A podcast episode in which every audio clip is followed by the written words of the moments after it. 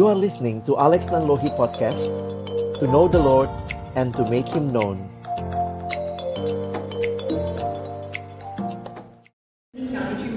Natal menyatakan bahwa kita tidak bisa naik ke surga dengan mengandalkan diri kita sendiri.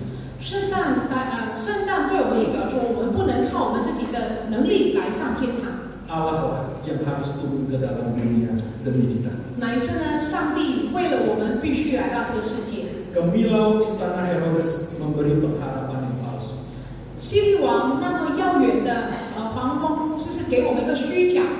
Demikian pula beberapa dunia di bulan Natal tidak terkecuali gereja.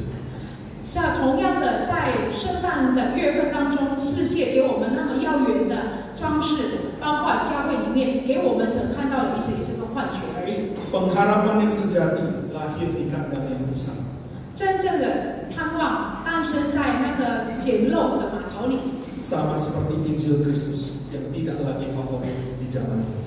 就如就比基督的福音一样，到现在这个时代，几乎不是人们所想要听的。kebenaran itu berbunyi. 真理响铃。Allah subhanahu wa taala. 真理不断的响铃起来，说神己爱世人。God saves us. 神己爱世人。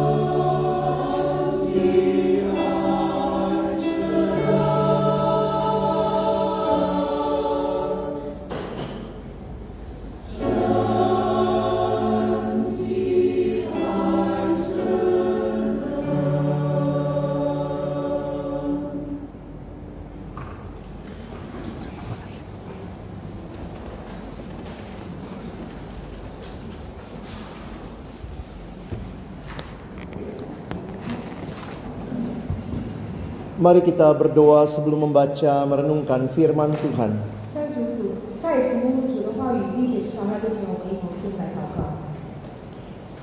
Kami datang dalam ucapan syukur di hari perhentian yang kau berikan kepada kami.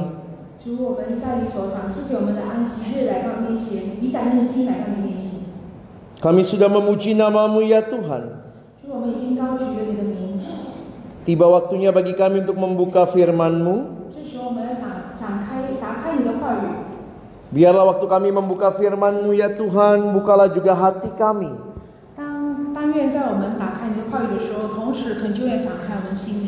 Jadikanlah hati kami seperti tanah yang baik.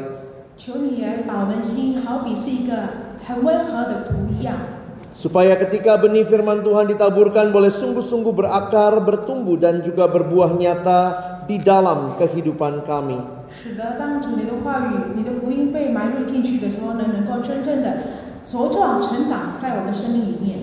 Berkati hambamu yang menyampaikan, yang menerjemahkan, dan semua kami yang mendengar. Tolong kami bukan hanya jadi pendengar-pendengar firman yang setia. 求你帮助我们，不只是成为忠心聆听的人而已。tapi mampukan kami dengan kuasa roh kudusmu, kami dimampukan jadi pelaku-pelaku firmanmu.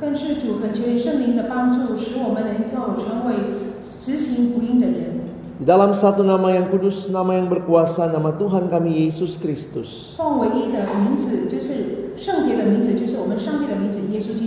Kami menyerahkan pemberitaan firmanmu Amin. Amin. Pagi hari ini kita sama-sama akan membuka firman Tuhan di dalam Injil Matius pasal yang kedua. Ya, Matius pasal yang kedua kita akan membaca di dalam ayat yang pertama sampai dengan ayatnya yang ke-12. Ya, er, kita kembali akan membaca silih berganti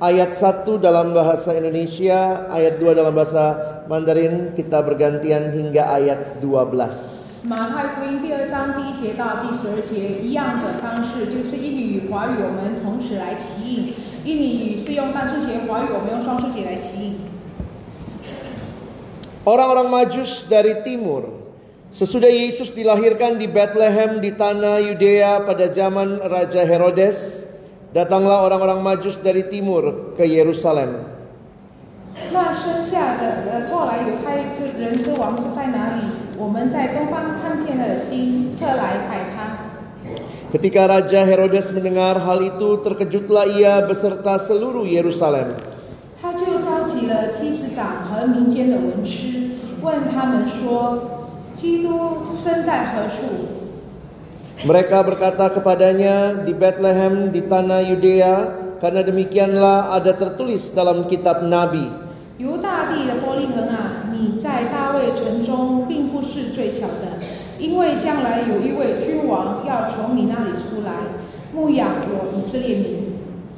Lalu dengan diam-diam Herodes memanggil orang-orang Majus itu dan dengan teliti bertanya kepada mereka bila mana bintang itu nampak. 就差他们往玻璃门去。你说，你们去仔细寻房子，小孩寻到了就来报喜，我也要好去拜他。Setelah mendengar kata-kata raja itu, berangkatlah mereka dan lihatlah bintang yang mereka lihat di timur itu mendahului mereka hingga tiba dan berhenti di atas tempat di mana anak itu berada.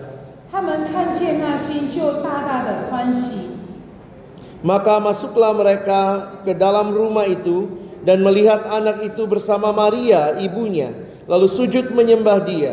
Mereka pun membuka tempat harta bendanya dan mempersembahkan persembahan kepadanya, yaitu emas, kemenyan, dan mur.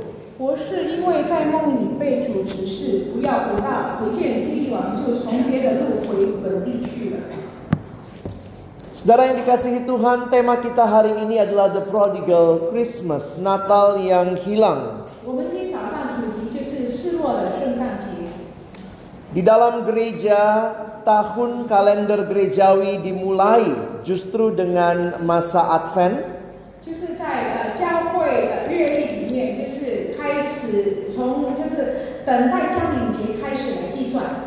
Di dalam masa Advent Sesuai dengan namanya, Advent artinya datang. Uh,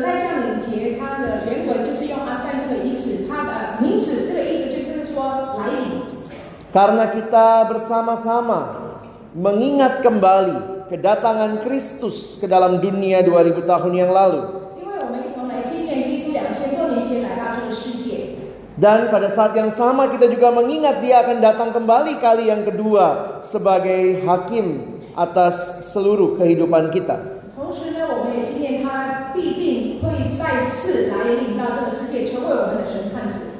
Sehingga kalau kita melihat gereja memiliki masa persiapan menyambut Natal. Ada empat lilin yang kita akan nyalakan bergantian mulai dengan yang pertama pada minggu ini.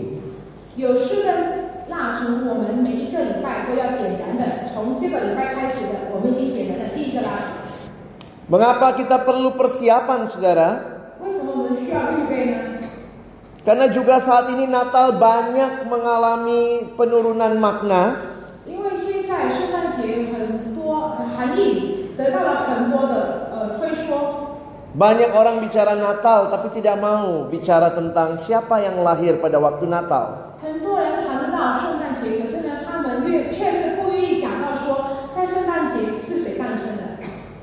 Sehingga ada yang berkata, mungkin kalau Yesus datang Natal kita sekarang, Yesus pun bingung.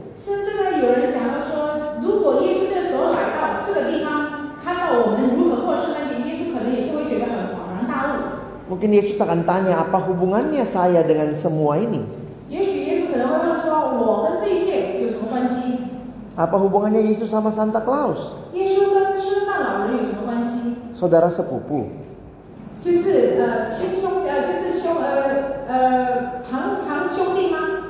Apa hubungannya Yesus sama Rudolf, the red-nosed reindeer? Yesus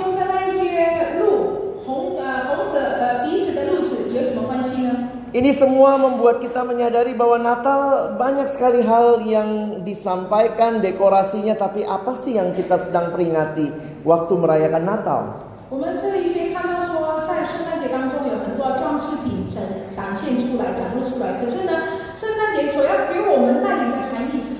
Saudara kita tidak menolak kemeriahan Natal ada begitu banyak hal juga yang jadi tradisi. 我们没办法拒绝看到那么多 tentu kita juga tidak menolak Santa Claus, Rudolph the red Nose Reindeer, eh, atau bahkan sekarang Olaf dimasukkan dalam Natal.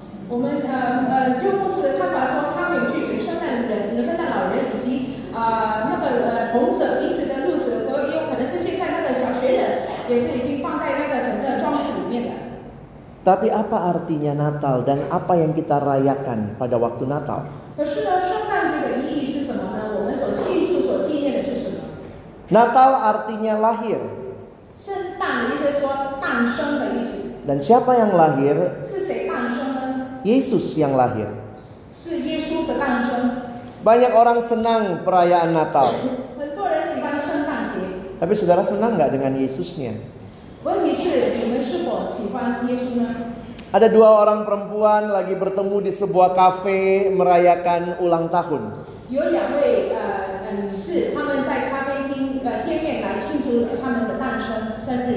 Mereka berdua tertawa, banyak bercerita, sangat gembira terlihat.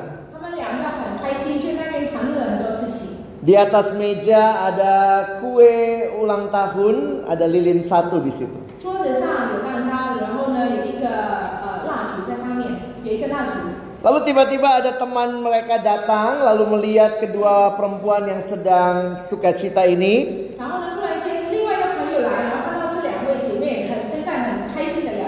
Lalu temannya bilang, wow lagi perayaan apa ini? Wah ini kan ada kue ulang tahun, oh pasti ulang tahun ya.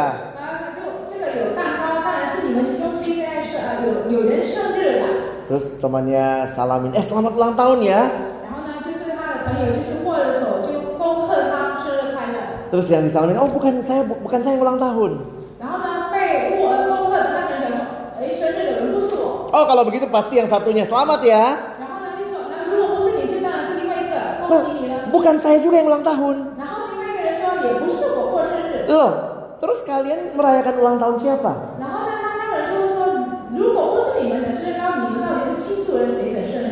Lalu kemudian yang di sebelah kiri bilang, oh hari ini ulang tahun anak saya umur satu tahun.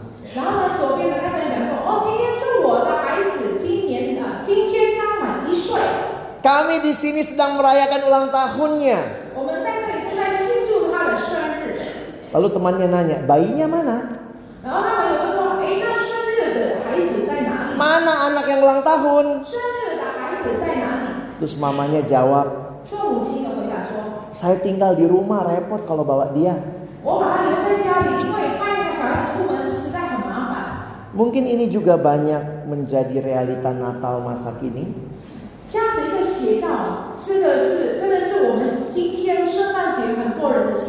Kita suka acaranya, partinya, kita suka makanannya, kita suka suasananya, tapi kita tidak suka Yesusnya.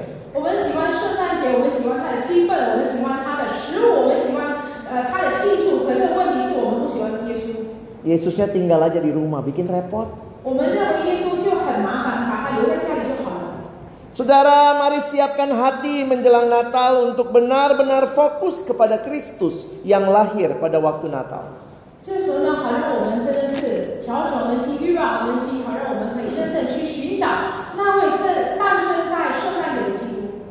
Saudara jika memperhatikan bacaan Alkitab yang kita sama-sama baca tadi. Mari kita lihat dan belajar bersama bagaimana kelahiran Kristus itu penting dan bagaimana kita harus meresponinya.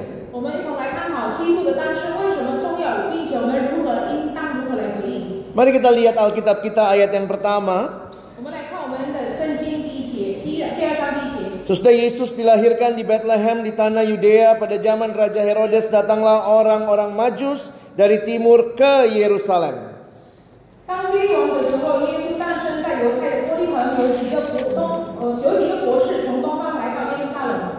Banyak orang yang bertanya siapakah orang Majus ini? Dituliskan mereka dari timur mereka ahli perbintangan. Kadang kita kalau dengar ahli bintang itu langsung bayangannya ahli sio e ini, sio e itu begitu saudara ya.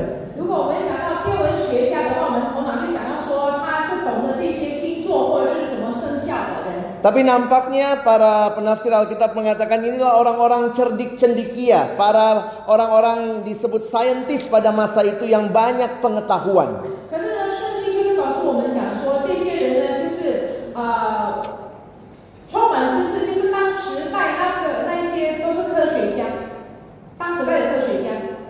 Kenapa mereka datang ke Yerusalem? Karena mereka mengikuti bintang yang mereka percaya ada raja baru yang lahir.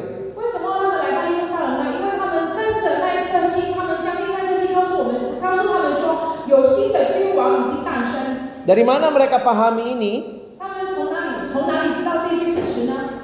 Beberapa penafsir Alkitab mengkaitkan ini dengan nampaknya mereka ahli yang pintar termasuk mungkin banyak baca literatur, salah satunya membaca perjanjian lama. Eh,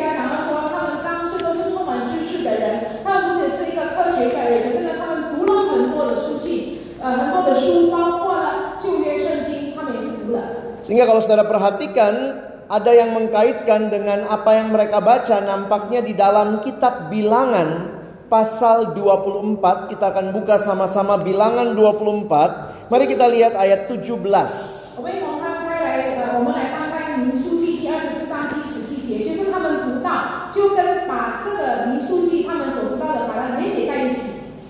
Saya bacakan dalam bahasa Indonesia ayat 17 bilangan 24 ayat 17 aku melihat dia tetapi bukan sekarang aku memandang dia tetapi bukan dari dekat.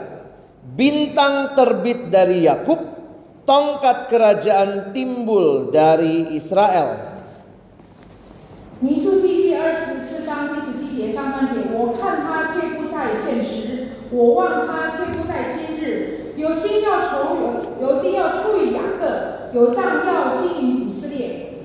Jadi kalau saudara perhatikan pemahaman mereka tentang Bintang itu nampaknya dikaitkan dengan apa yang ada dalam nubuat Bileam tadi.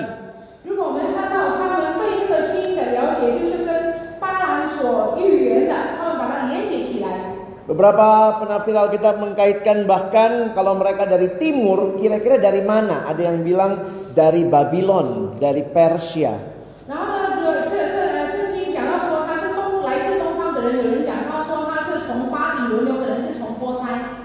Apalagi ditambah dengan realita Israel pernah dibuang ke Babylon, jadi mungkin mereka punya kopi dari Alkitab Perjanjian Lama, khususnya Kitab Taurat Musa.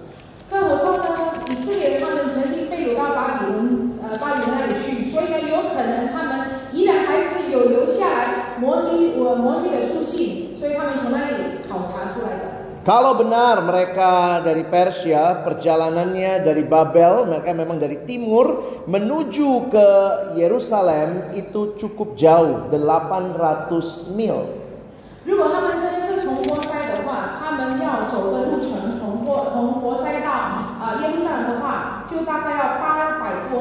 Dan ingat saudara ya, belum ada pesawat terbang waktu itu.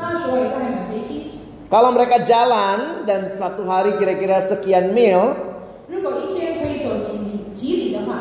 ada yang mencoba menghitung kira-kira mereka mengikuti bintang itu selama 40 hari.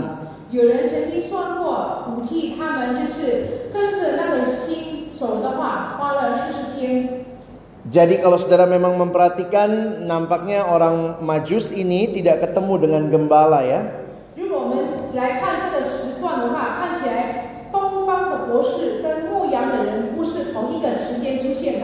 Karena gembala datang pada malam Yesus lahir, nampaknya orang Majus datang kemudian karena mereka lihat bintangnya waktu lahir dan ikuti bintang itu sampai ketemu.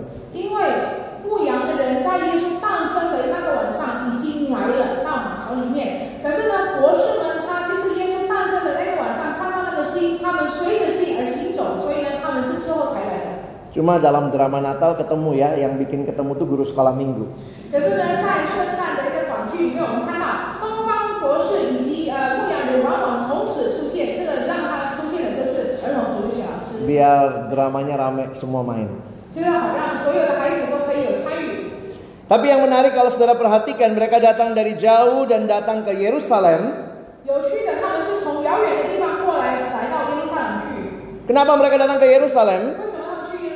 Karena mereka meyakini nubuat itu tentang raja yang dari orang Yahudi.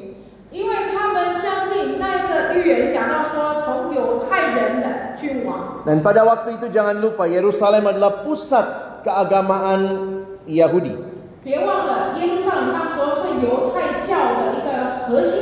Pusat pemerintahan orang Yahudi. Meskipun orang Yahudi sedang di bawah penjajahan Romawi, tapi penjajah Roma mengangkat Herodes menjadi raja di sana.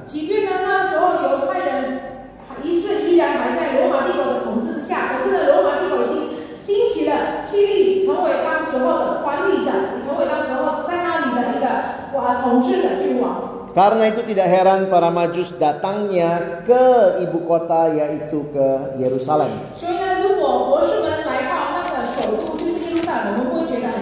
Dan perhatikan ayat 2, mereka bertanya di manakah dia raja orang Yahudi yang baru dilahirkan itu?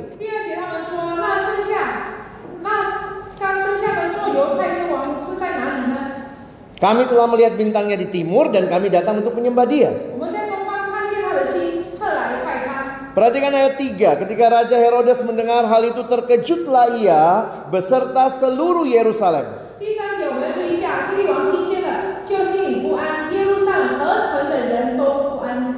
Unik juga ayat ini ya, sama seluruh Yerusalem terkejut.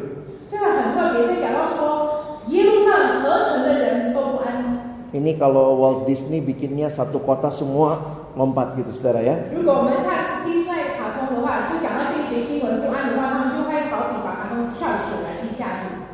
Kenapa saudara? Mungkin bagi Herodes kaget aja. Saya sedang jadi raja, lalu datang orang majus tanya, di mana raja yang baru lahir?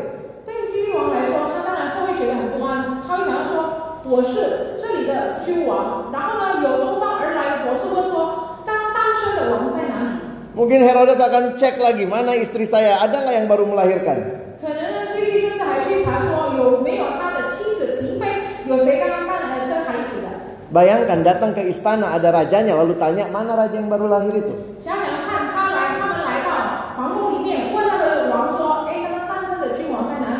Tidak bisa dua raja duduk di satu tahta.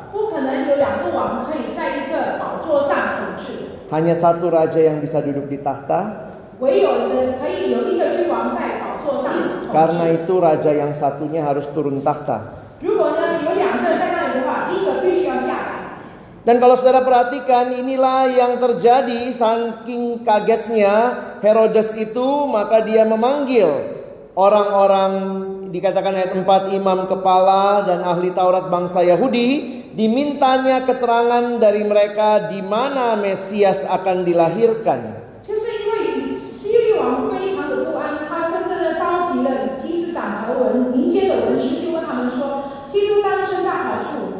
Nah, saudara lihat ini Orang-orang pintar mengerti Alkitab Perjanjian Lama dan mereka tahu jawabannya. Mesias akan lahir di Bethlehem.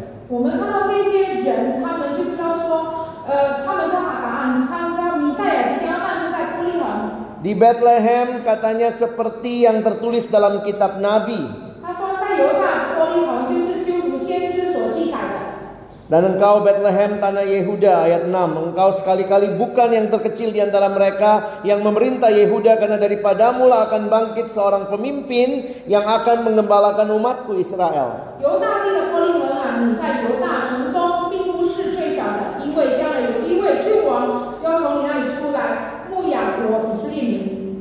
Saudara, Bethlehem hanya kira-kira 6 mil bagian selatan dari Yerusalem.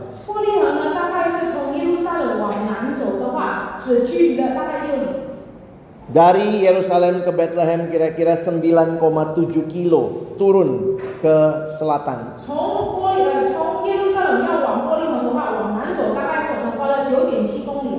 Perhatikan ayat 7. Herodes dengan diam-diam memanggil orang-orang Majus itu dan dengan teliti bertanya kepada mereka kapan bintang itu nampak.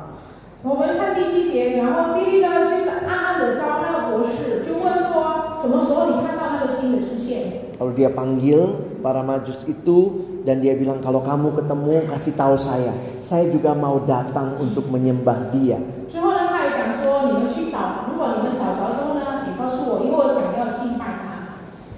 Padahal dia tidak mau menyembah. Dia takut kehilangan tahta.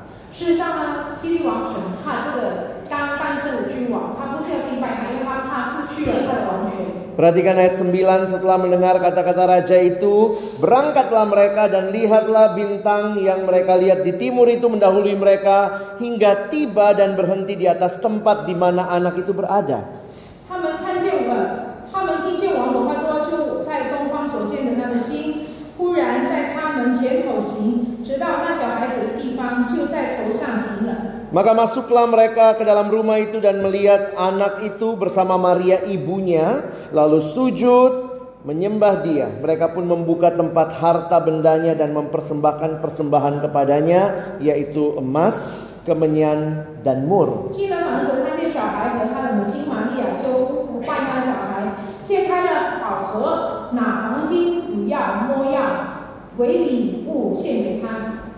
Alkitab sebenarnya tidak kasih tahu ya orang majusnya berapa.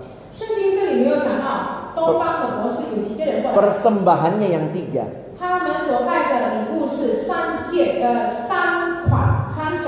Jadi memang uh, ini perlu kita pahami bahwa persembahannya yang tiga bukan orang majusnya atau Alkitab tidak dengan jelas. Yang jelas orang majusnya lebih dari satu. 我们这里可以看到说，他们所带来的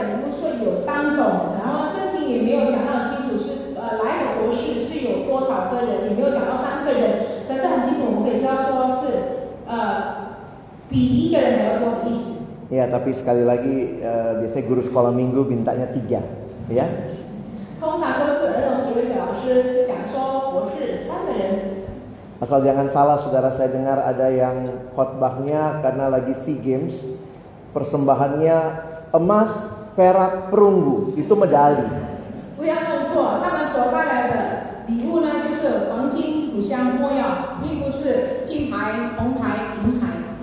Dan karena diperingatkan dalam mimpi supaya jangan kembali kepada Herodes, maka pulanglah mereka ke negerinya melalui jalan lain.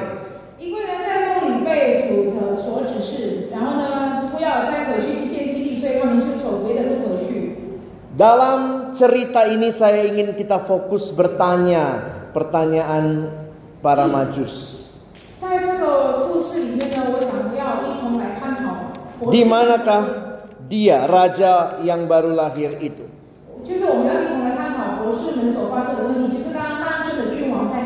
Natal harusnya fokus kepada Kristus sang bayi Natal. Tapi ingat saudara dia bukan hanya bayi tapi dikatakan dia adalah raja.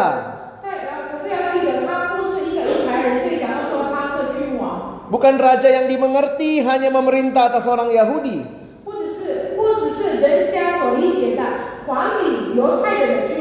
Tapi dia raja yang harusnya memerintah atas seluruh alam semesta. Pertanyaannya ketika saudara dan saya merenungkan bagian ini.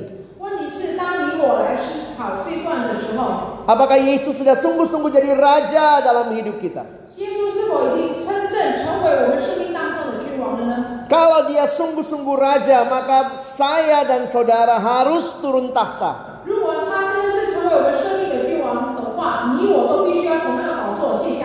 Kalau dia raja yang sejati, saudara dan saya harus mengakui bahwa saya bukan pemilik hidup saya. Jika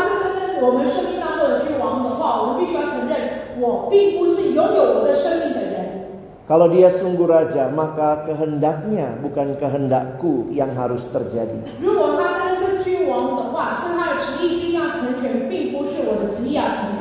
Banyak orang merayakan Natal tanpa perubahan hidup.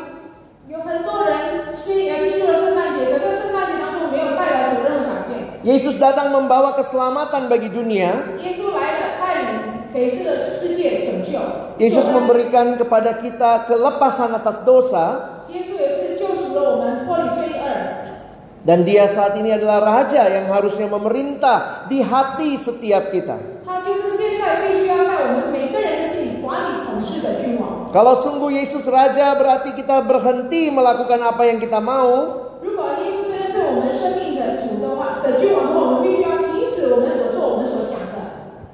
Tapi mari taat kepada apa yang dia sang raja mau.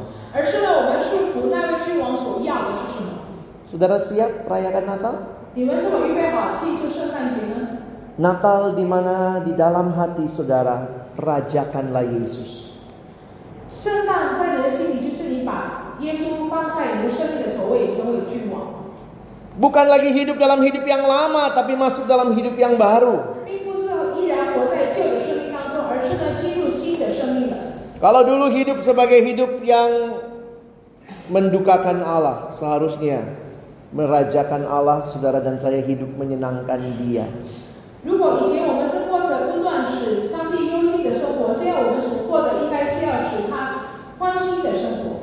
Sama seperti Herodes tidak rela turun tahta. Mungkin hati kita juga ada Herodes-Herodes kecil. Oh, saya tetap rajanya.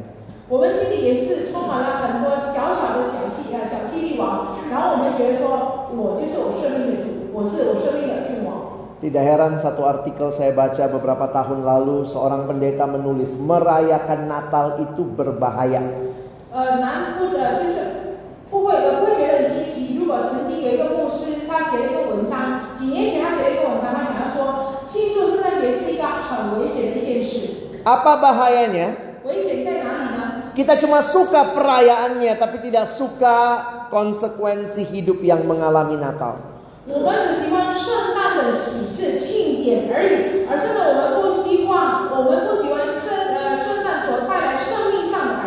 Karena kalau sungguh kita alami Natal maka ada perubahan hidup karena dulu saya rajanya sekarang Yesus rajanya. 如果我们真的是喜欢圣诞节的话，我们一定会有生命上的改变。以前我是君王，现在呢我生命的君 kalau dulu senangnya judi, minum, pukul, sekarang harusnya berubah kalau betul sudah rayakan Natal.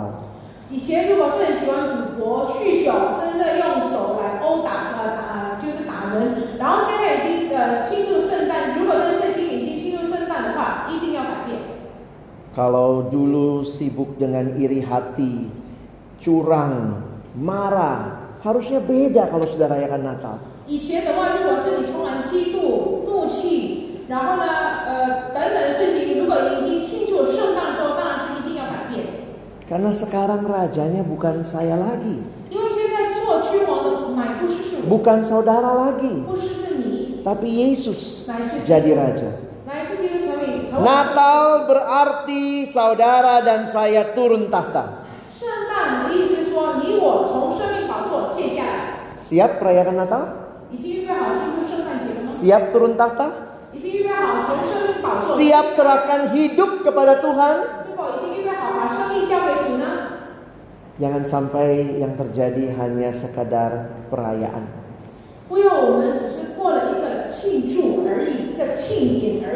Natal bukan sekadar perayaan, tapi Natal adalah perubahan.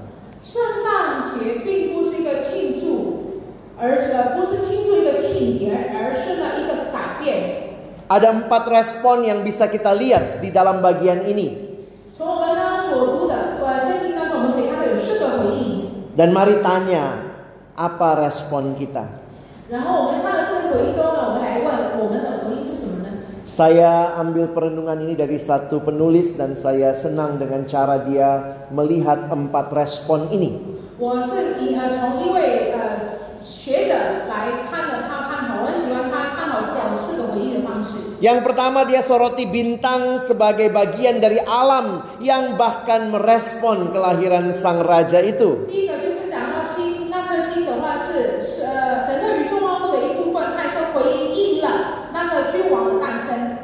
Alam menampilkan bintang sebagai tanda kelahiran sang raja. bintang,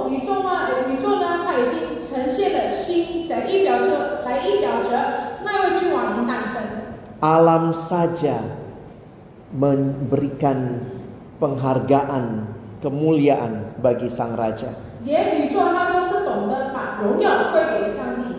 Saudara dan saya lebih berharga dari alam ini. Bagaimana respon kita? Yang kedua, perhatikan respon Herodes. Uh, Herodes ketakutan saudara. Dia cari mana itu anak yang baru lahir. Dan waktu dia tidak ketemu, dia bahkan rela membunuh semua anak di bawah usia 2 tahun.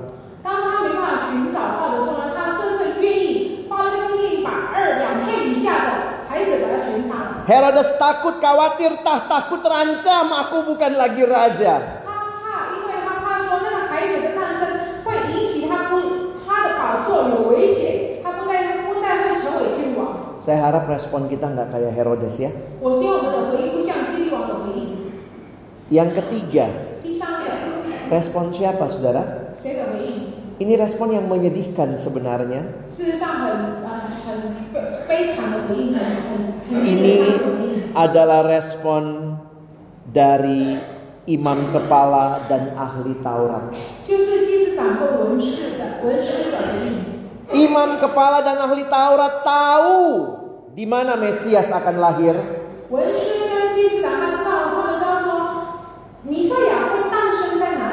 Tapi mereka tidak datang menyembah dia. Mereka tahu informasi tapi tidak punya relasi. Hanya 9,7 kilo ke bawah. Itu jarak Yerusalem ke Bethlehem. Jangan sampai kita punya respon kayak gini juga saudara. Iya, ya, Datang gereja, ikut kebaktian, ikut Natal, tahu semua informasi tapi tidak alami relasi dengan Tuhan.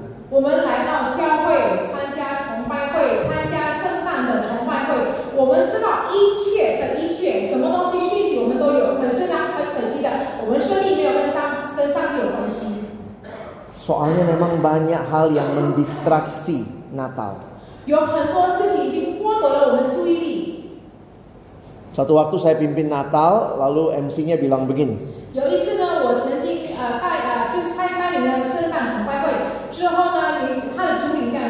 Setelah kebaktian, lalu perayaan, eh, pas mau selesai MC-nya bilang begini.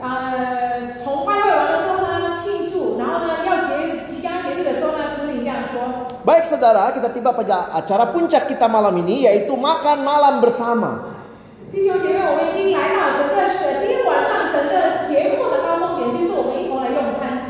Saya pikir khotbah saya puncaknya.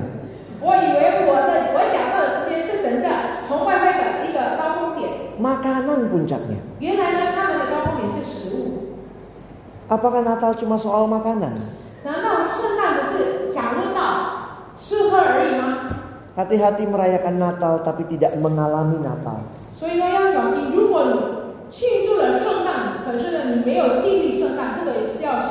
Natal itu relasi dengan dia yang lahir sebagai raja.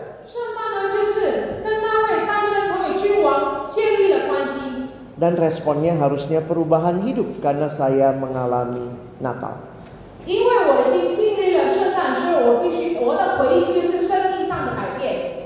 Dan respon yang terakhir saya pikir ini harusnya respon kita, respon dari para majus.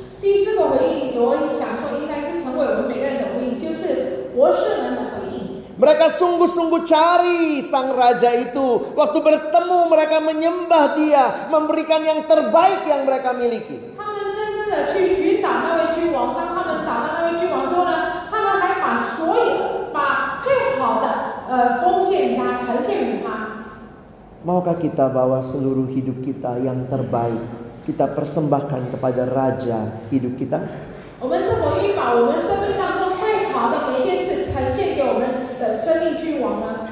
Mengalami Natal membawa kita juga bisa menceritakan kepada orang lain.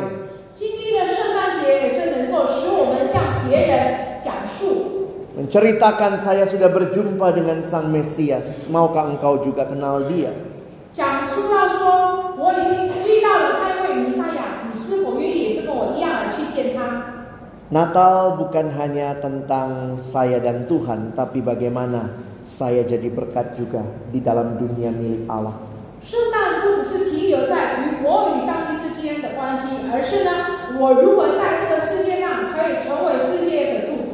Mereka para majus memberikan yang terbaik yang mereka miliki, emas, kemenyan, dan mur. 博士们把他们拥有最好的奉献出来，就是黄金。ini persembahan untuk raja.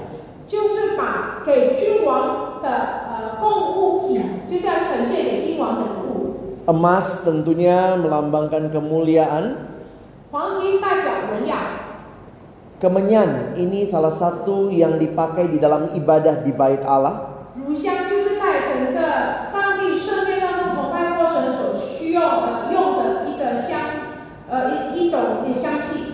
Tapi memang yang menarik para penafsir mengatakan ada mur di situ. Mur itu biasanya dipakai di dalam kematian.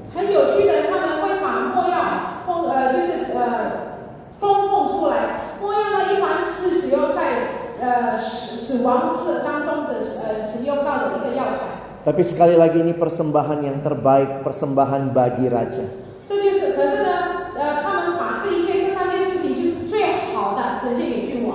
Mungkin ada yang iseng tanya, loh kok Yesus tetap miskin padahal punya emas?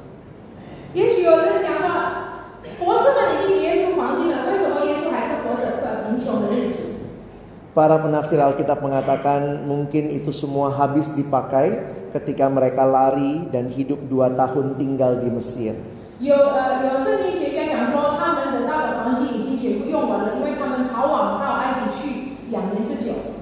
Dan kita melihat bagaimana hidup Yesus Dia layak terima persembahan terbaik saudara dan saya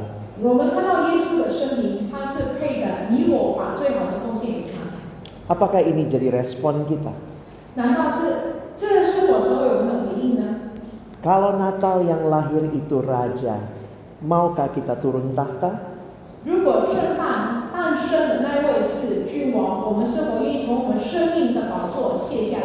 Serahkan takhta hati kita kepada Dia Sang Raja.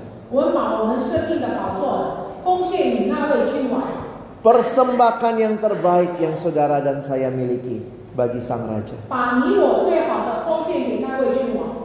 Dan mari beritakan tentang Sang Raja yang datang.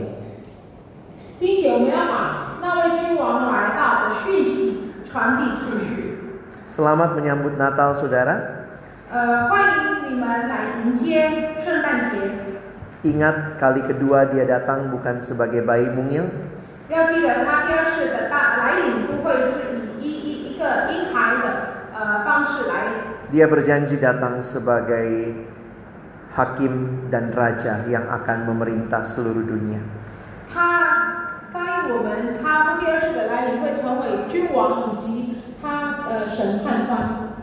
Siapkah saudara? Biarlah Natal tahun ini bukan Natal yang hilang, tapi Natal yang ada Yesus di dalamnya.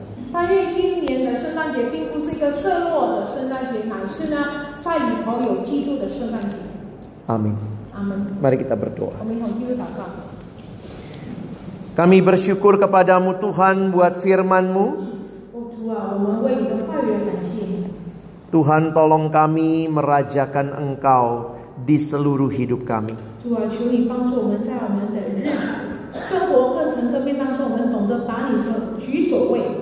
Hidup yang sudah kau selamatkan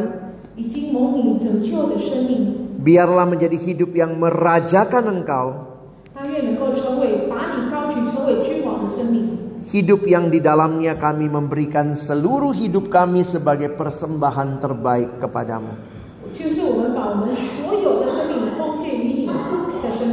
Terima kasih banyak Tuhan. Dalam nama Yesus kami berdoa. Amin.